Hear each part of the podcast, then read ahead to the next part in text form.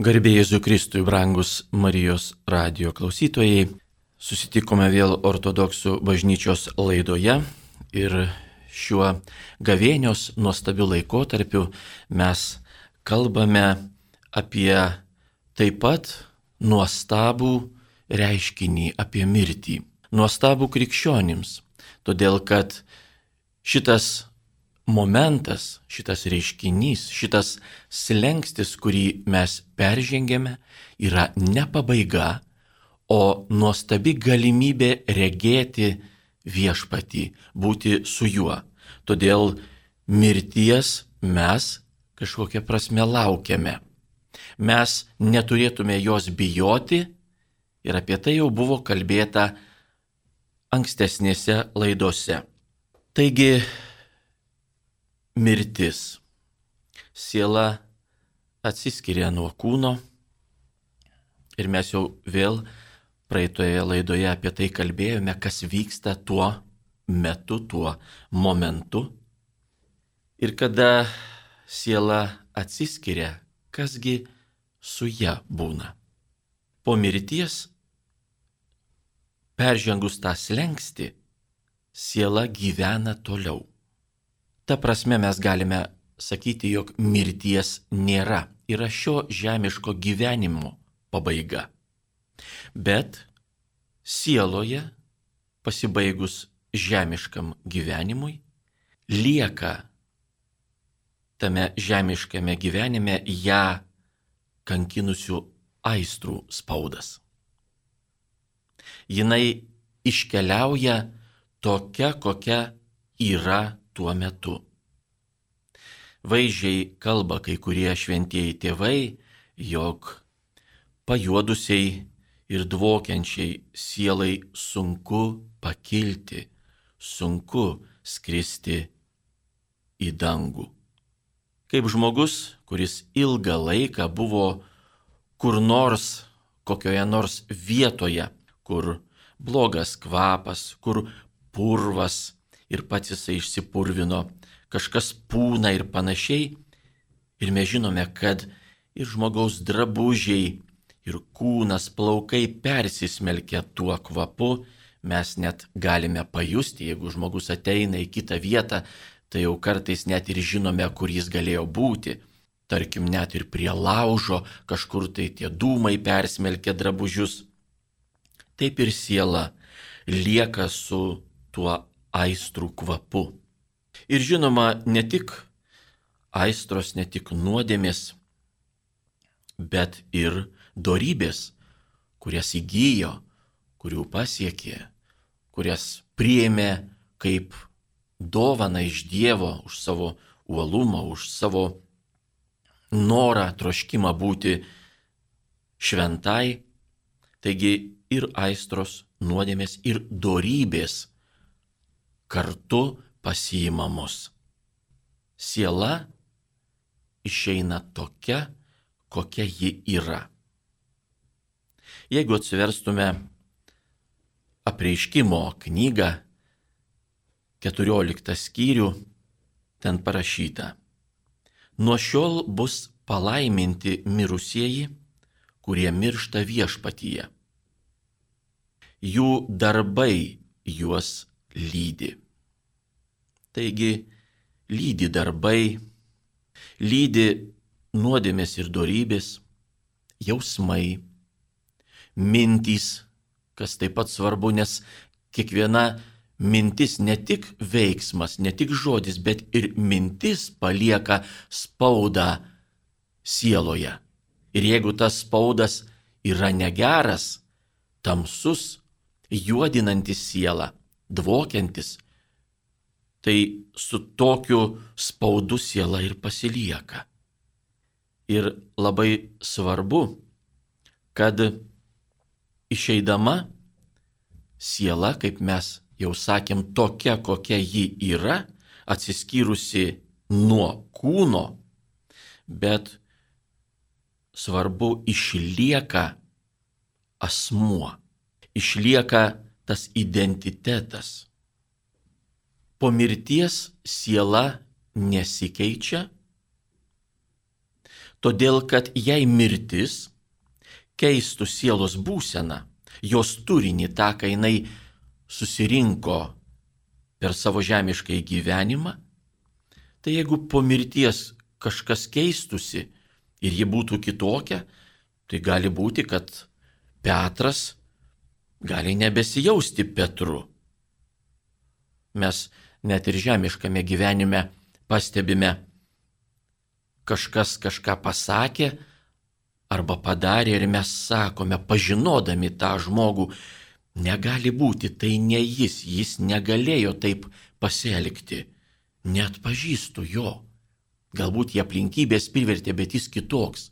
Tai taip ir ten, anapilį. Siela lieka tokia, kokia ji yra.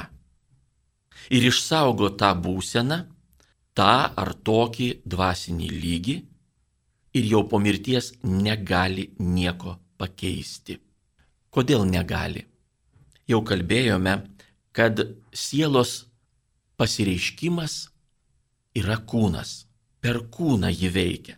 Dabar nėra kūno, nėra galimybės ir nėra sąlygų gyventi kitaip, pakeisti savo elgseną, pasikeisti, turėti jau kitokį turinį, negu jisai dabar įgytas, būnant kūne, žmogui gyvenant net jeigu ir siela pati labai norėtų. Kada atsiveria akis ir mes regime tai, ką dabar tik tikime, o neretai ir abejojame, o gal ir nėra Dievo, o gal ir nėra pomirtinio gyvenimo. Mes nežinome, nematėme. O štai kada pradeda regėti, susitinka su tuo, kuo galbūt abejoju ir jau dabar, ji nori pasikeisti, ji nori kitaip gyventi, negu gyveno, jau dabar be abejonių. Ir dabar jau gal ir gailisi, kad ji yra tokia, tokios būsenos, tokio turinio, bet pakeisti negali. Dabar šiuo metu sugrįžti į kūną negali. Taigi, po mirties to proceso, kurį mes vadinome atgaila, tai yra mūsų elgsenos, svarbiausia net mąstymo pasikeitimas, atsimainimas, troškimų, norų, po mirties to nėra. Apaštalas Paulius laiške Galatams rašo, neapsigaukite. Dievas nesiduoda išjuokiamas. Ką žmogus sėja, tai ir pjaus. Kas sėja savo kūnui, tas iš kūno pjaus pražūtį. O kas sėja dvasiai, tas iš dvasios pjaus amžiną į gyvenimą. Nepailskite daryti gerą. Jei neaptinksime, atėjus metui pjausime derlių. Taigi, iš šitų eilučių matome, jog pjausime ten tai, ką pasėjome čia. Kada siela su kūnu, kada, sakome, žmogus gyvas. Ir pasėta čia išauga ir šitai pasimame su savimi. Taigi, dvasinės sielos būsena ir jos turinys po mirties yra apsprendžiamas čia, ką ji pasims, ką ji turės, kokį turinį, ką ten, kaip sakome, už pečių atsineš, tą ir turės. Tokio ją Dievas ir teis. Tokią ją ir priims bet jau kaip buvo irgi anksčiau kalbėta, ar pati siela su tokiu, kaip šventieji tėvai rašo, pajuodusiu ir dvokiančiu turiniu galės pasilikti ten, kur jos laukia dangiškasis tėvas. Retorinis klausimas, kuris vėl apsprendžia mūsų gyvenimo praktiką. O kūnas po mirties, kurį palaidojom, kurį matėm kaip užkasė į žemę, nedingsta. Mes sakom taip, jisai suyra. Jo nebelieka ir atkasus kapą po daugybės metų, o gal net ir šimtmečių, būna kažkokie kaulai gal, kažkokios liekanos likučiai, bet dažnai būna, kad ir nieko nebelieka. Ir jau net sunku atpažinti, kad čia kažkada buvo kapinės ir palaidota daugybė kūnų, ypač jeigu gamtinės sąlygos, drėgnas dirbožėmis, kitos kokios tai sąlygos neleidžia net ir tom liekanom ar jų dalį pasilikti. Bet kūnas nedingsta.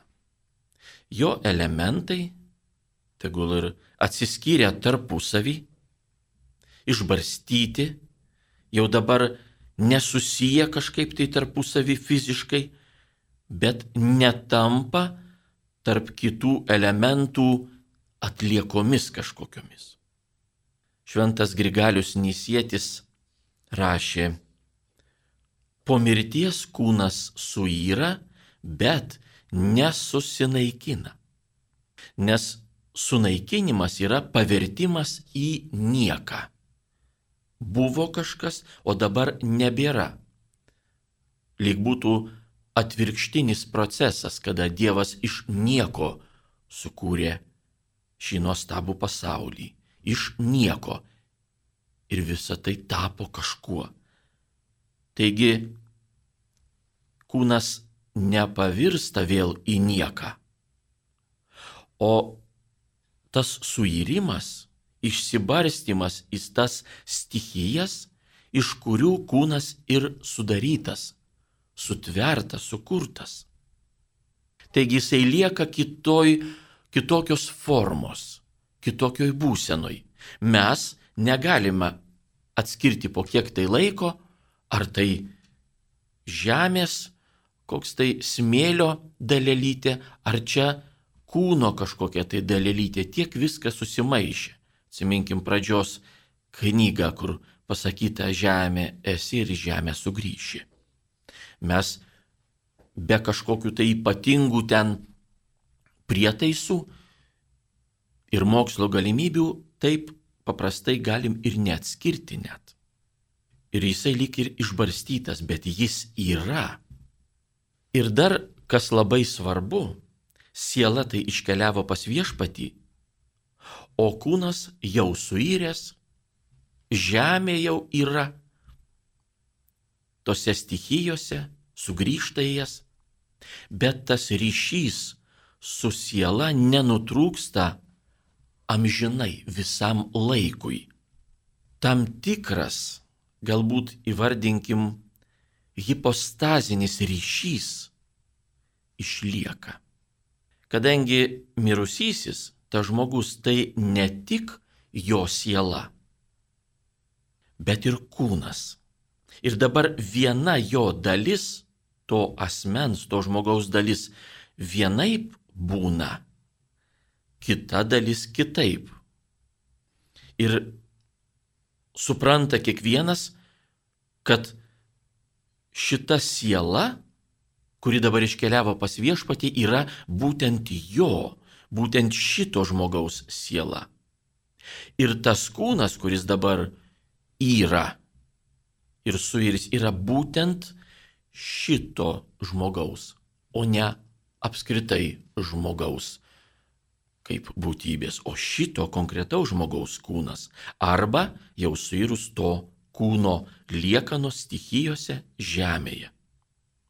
Taigi ir kūnas, ir siela lieka tame ypatingame ryšyje su tuo konkrečiu asmeniu, kurį ir sudarė žemiškame gyvenime. Sudarė kūnas ir siela.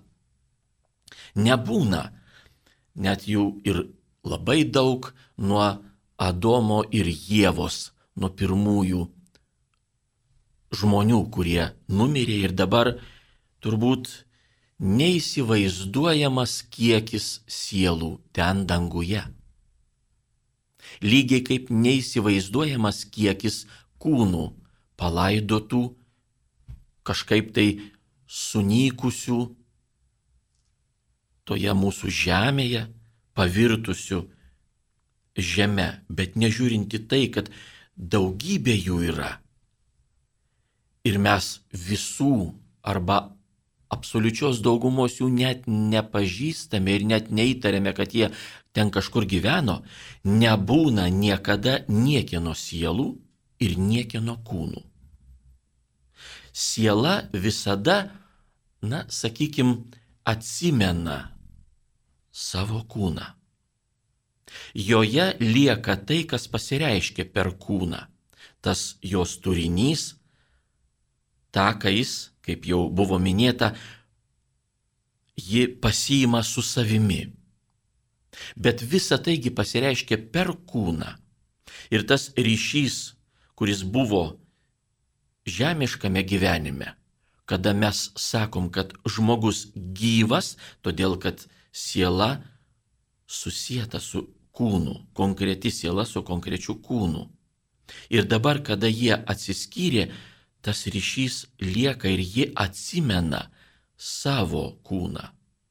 Ir jinai atpažįsta, atpažįsta savo kūną. Danguje neklaus, tu kieno esi, tu kas esi, tu kieno siela esi. Prisiminkime iš Evangelijos palyginimą, pasakojimą apie lozorių ir turtuolį. Kaip jie vienas vienaip, kitas kitaip gyvendami numirė. Ir ten buvo toks dialogas, pokalbis Ir mes matome, kad ir Lozoriaus siela, ir turtuolio siela ten atpažįstami yra. Ir jie vienas kitą atpažįsta. O kokiosgi formos ta siela? Tai, kas pasireiškia per kūną, tai ir lieka sieloje. Todėl suirusiame kūne taip pat lieka ta atpažįstama sielos palikta, sakykime, idėja, kažkokia forma, archetipas, personalizuotas tam tikras vaizdas ar atvaizdas, iš kurio mes atpažįstame, kad šitas kūnas taip pat yra šito žmogaus, o reiškia susijęs su šita siela. Ir nežiūrint į tai, kad kūnas labai keitėsi per visą žemiškai gyvenimą. Nuo vos užgimusio, vos apčiuopiamo dydžio, paskui augo, subrendo, paseno ir dar vėliau suiro tapo visiškai nepanašus į tai, kas buvo, tarkim, prieš porą dešimtmečių. Ir vis tiek, va, tas atvaizdas tam tikras, ta idėja arba tas archetipas lieka. Ir kada ateis laikas ir viešpats pašauks visus ir kūnai prisikels, mes žinome, kad tie kūnai bus perkeisti atnaujinti. Labai svarbi detalė tie prikelti kūnai jau daugiau nebeirs ir nebesens. Jie bus kitokie kažkokia tai prasme. Bet būtent tie patys kūnai to paties žmogaus išsaugoja savo identitetą.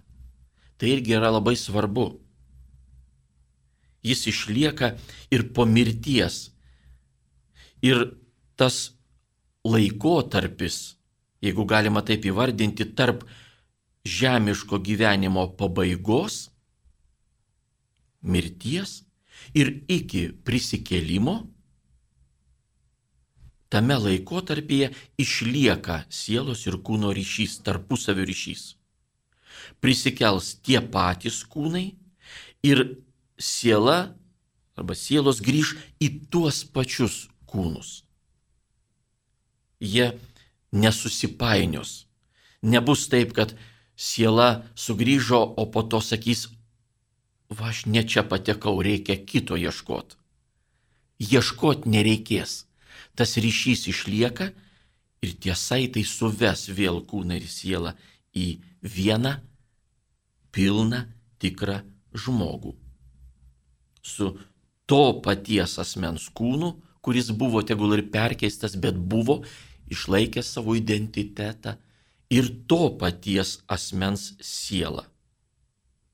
Jeigu būtų kitaip, jeigu prisikeltų ne tas pats kūnas, o jūgi daugybė dabar žemėje, žemė pavirtę, ir jie susirinktų vėl į kūną, ten paėmę iš vieno, vaizdžiai kalbant, pirštą, iš kito koją, iš trečio dar kokią tai dalelytę, bet vis tiek taptų žmogus.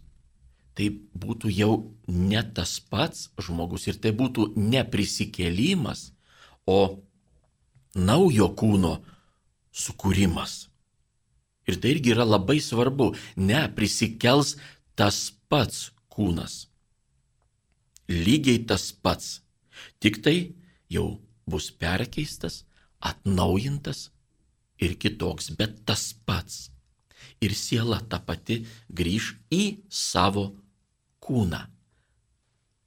Po mirties todėl būtent kūnas ir yra pagerbiamas. Jis išliks, jis prisikels. Jis bus pašauktas vėl būti sielos buveinė ir tapti pilno žmogaus dalimi susijungus. Ir tą ryšį su kūnu mes matome, tarkim, net ir iš Kristaus žodžių Evangelijoje, kada Marija Magdalietė išpylė aliejų jam ant galvos ir jis pasakė mokiniams, kurie tai matė, išpildama aliejų ant mano kūno, ji tai padarė mano laidotuvėms. Čia Evangelija pagal Mata 26 skyrius. Jis nepasakė mano kūno laidotuvėms, išpildama aliejų ant kūno, nes aliejus yra materija, kūnas taip pat yra materija. Taigi, išpildama aliejų, ji ir galėjo padaryti tai Jėzaus kūno laidotuvėms. Bet Jėzus neatskyrė čia o suvedė į vieną. Ji tai padarė mano laidotuvėms, ne kūno tik. Štai tas ryšys matosi ir po mirties, kaip ir gyvenime, kūno ir sielos ryšys. Todėl jausdami tą ryšį, patirdami tą ryšį, ir galime sakyti, jog laidojame Joną ar Petrą, o ne Jono kūną. Taip, turbūt, na, vaikas galėtų pasakyti, dar nesuprantas, kas dedasi ir sakytų, čia guli mano, tarkim, senelio ar, ar kieno nors kūnas. Ne, mes sakom, čia guli Jonas, čia guli senelis.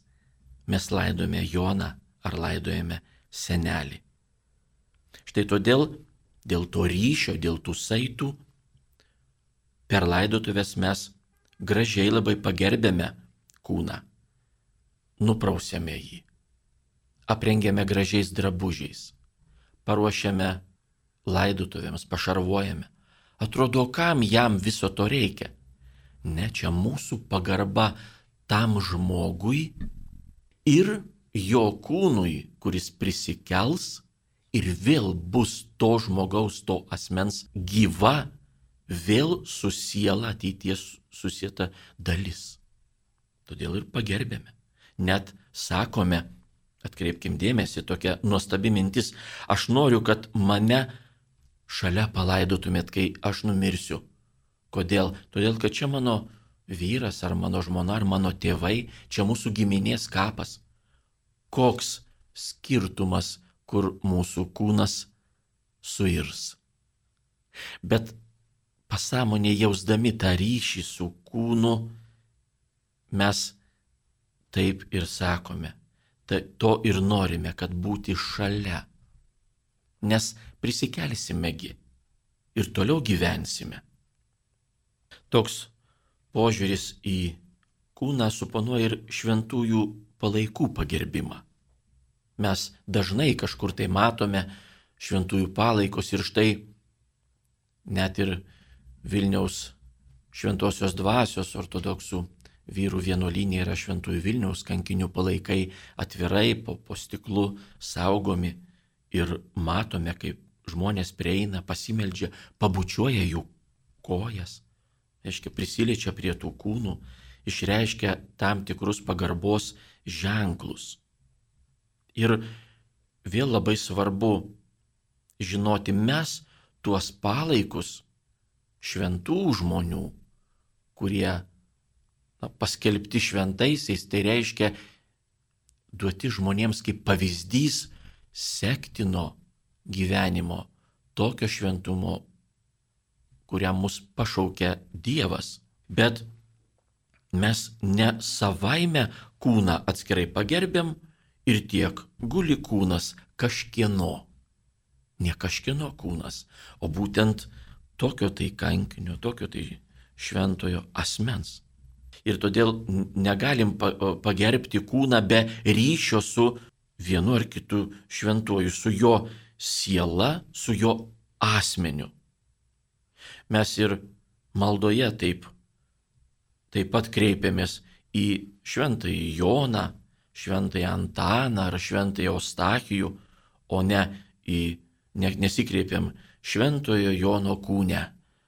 Padėk man, užtark mane. Mes kreipiamės į šventąjį asmenį, matydami jo kūną, taip nesuirusi, kaip ženklą, vėl kūnų prisikelimo ženklą ir jo švento gyvenimo ženklą, bet neatsiejam nuo asmens. Dėl to ortodoksų bažnyčia nesutinka su kūno kremacija. Mes žinome, kad jinai ne dabar atsirado, nors ir galbūt labiau paplito negu paskutiniais ten dešimtmečiais, o gal net ir amžiais. Kremacija buvo jau tūkstančius metų ir dabar iki šiol kai kurios šalys religijos praktikuoja būtent norėdami, trokšdami būti sudegintais, kaip Indijoje, kitur. Bet nežiūrint į tai, krikščionys pasirinko kitokį laidojimo būdą. Kitaip elgesi su kūnu. Nesudegina jo.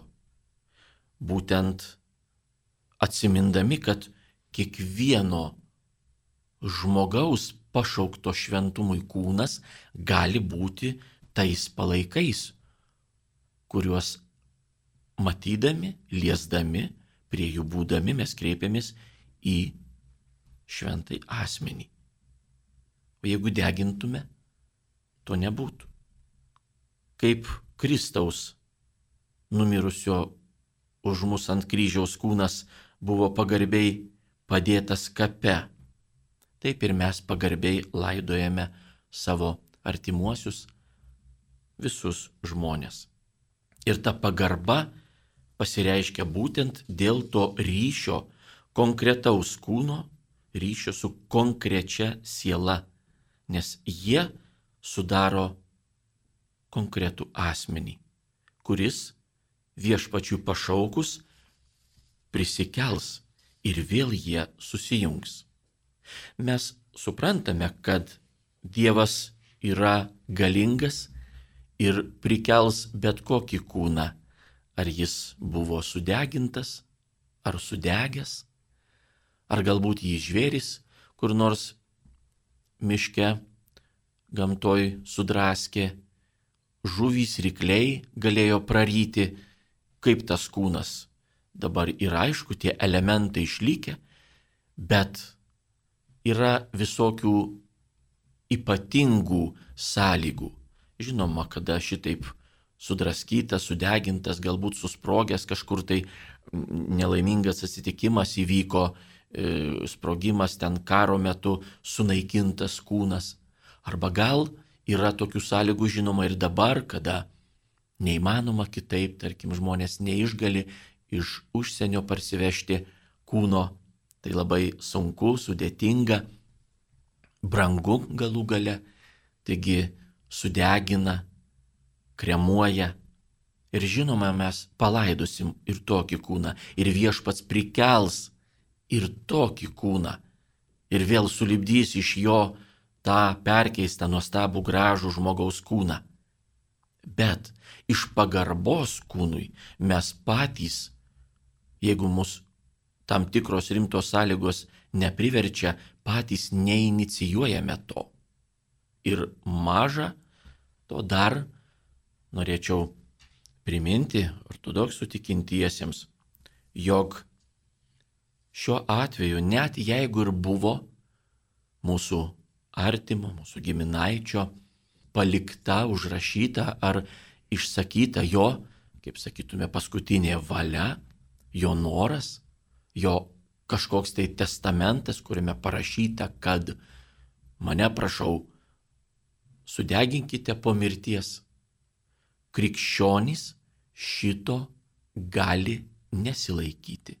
Ir tai nebus nepagarba paskutiniai valiai, nes, kaip jau sakėme, siela, kuri su tuo bagažu, su tuo turiniu savo stos viešpaties akivaizdon, regės viešpatį ir supras, kad nereikėjo to daryti. Ir labai apsidžiaugs, jeigu mes neišpildysim va tokios paskutinės valios.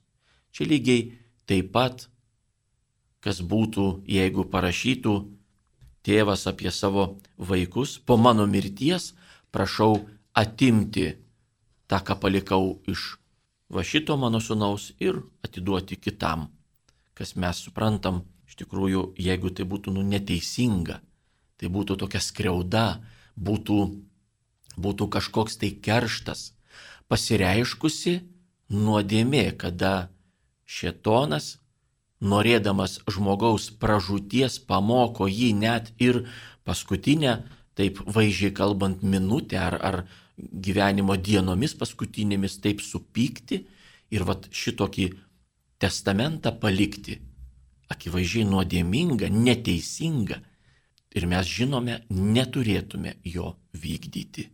Ir jisai ten danguje, jo siela tikrai nesupyks, o atvirkščiai dar labai labai mums padėkos. Taigi ir dėl kremacijos mes neprivalome ir neturėtume vykdyti tokios e, žmogaus valios išreikštos.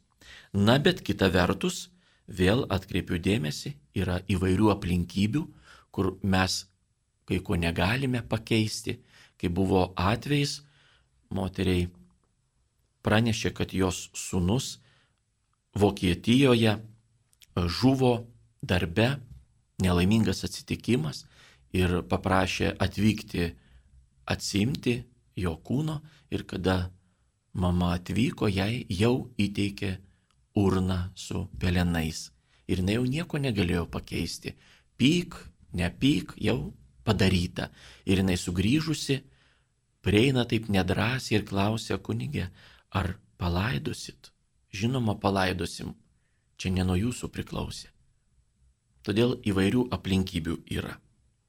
Taigi, koks nuostabus, kabutėse jau kaip krikščionys sakysime, pomirtinis gyvenimas siela toliau gyvena, kūnas toliau būna ir laukia, kada jį pakvies, pašauks prisikelti, laukia to viešpaties balso.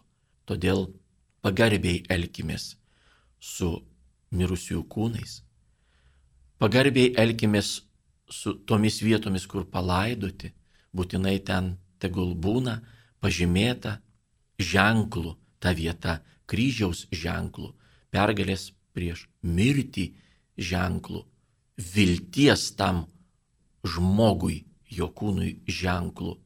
Ir pagarbiai elkimės su sielomis, kurios nuolat, nuolat laukia maldos, kad mes jas ne tik prisimintume gerų žodžių, kad buvo toks žmogus, dabar va numirė, tikrai tik tai gerą kažką tai galiu apie jį pasakyti. Ne tik prisimintume, bet ir melstume viešpatį. Viešpatė pasigailėk mirusiojo, duok jam amžiną atilsi. Ir bažnyčios malda, tai yra bendruomenės, žmonių, žmogaus malda gali pakeisti to žmogaus, jo sielos likimą. Ir viešpats pasigailės, priglaus ir bus ta siela amžinoje šviesoje, laukdama prisikėlimo. Taigi laukiame to prisikėlimo ir mes, laukiame lygiai taip pat ir mūsų mirties valandos laukiame viltingai, ruoždamėsi ir darydami gerą, kaip mokė mus apaštalas Paulius.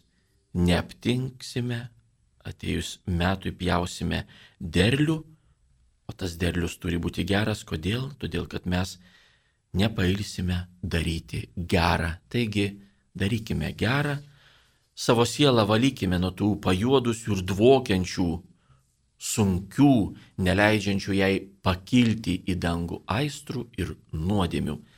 Ir tada žmogus bus laimingas, nežiūrint į jokias ligas, nežiūrint į jokias negandas, o užmerks akis, žengiant per tą mirties lengsti, besišypsodamas.